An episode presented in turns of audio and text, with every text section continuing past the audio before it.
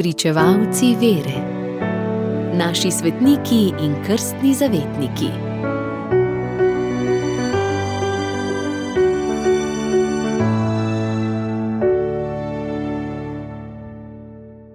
Na današnji dan, leta 1391, je kot mučenec v Jeruzalemu umrl hrvaški frančiškaj Nikolaj Tavelič.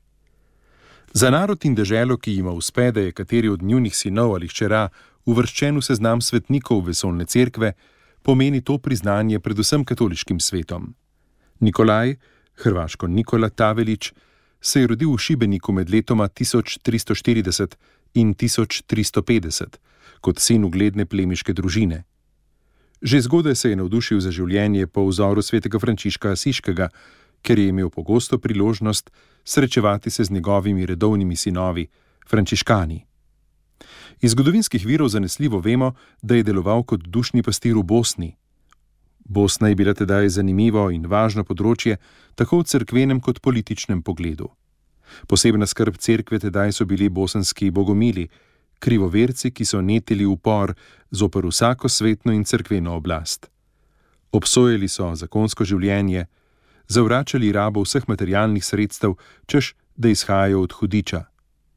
Zopr ta nauk je mogla uspešno nastopati samo miselnost, ki je izhajala iz ponižne ljubezni do ljudi in božjega stvarstva, miselnost, ki jo je oznanjal asiški ubožec.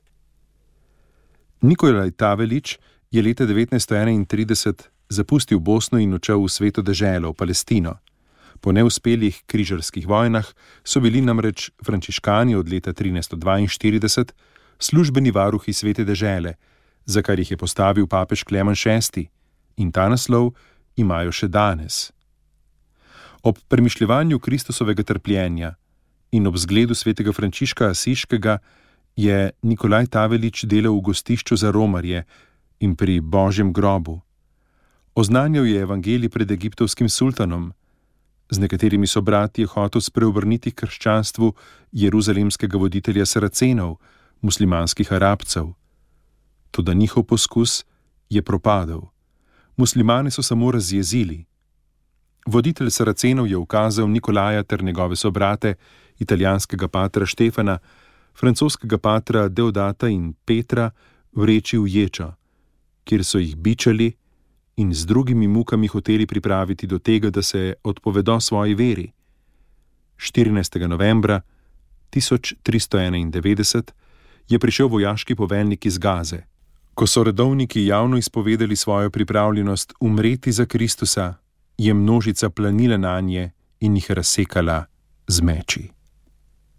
Papež Leon XIII jih je leta 1889 razglasil za blažene, Pavel VI pa leta 1970 usliši dolgoletne prošnje vernih Hrvatov in Nikolaja Taveliča uvrsti med svetnike.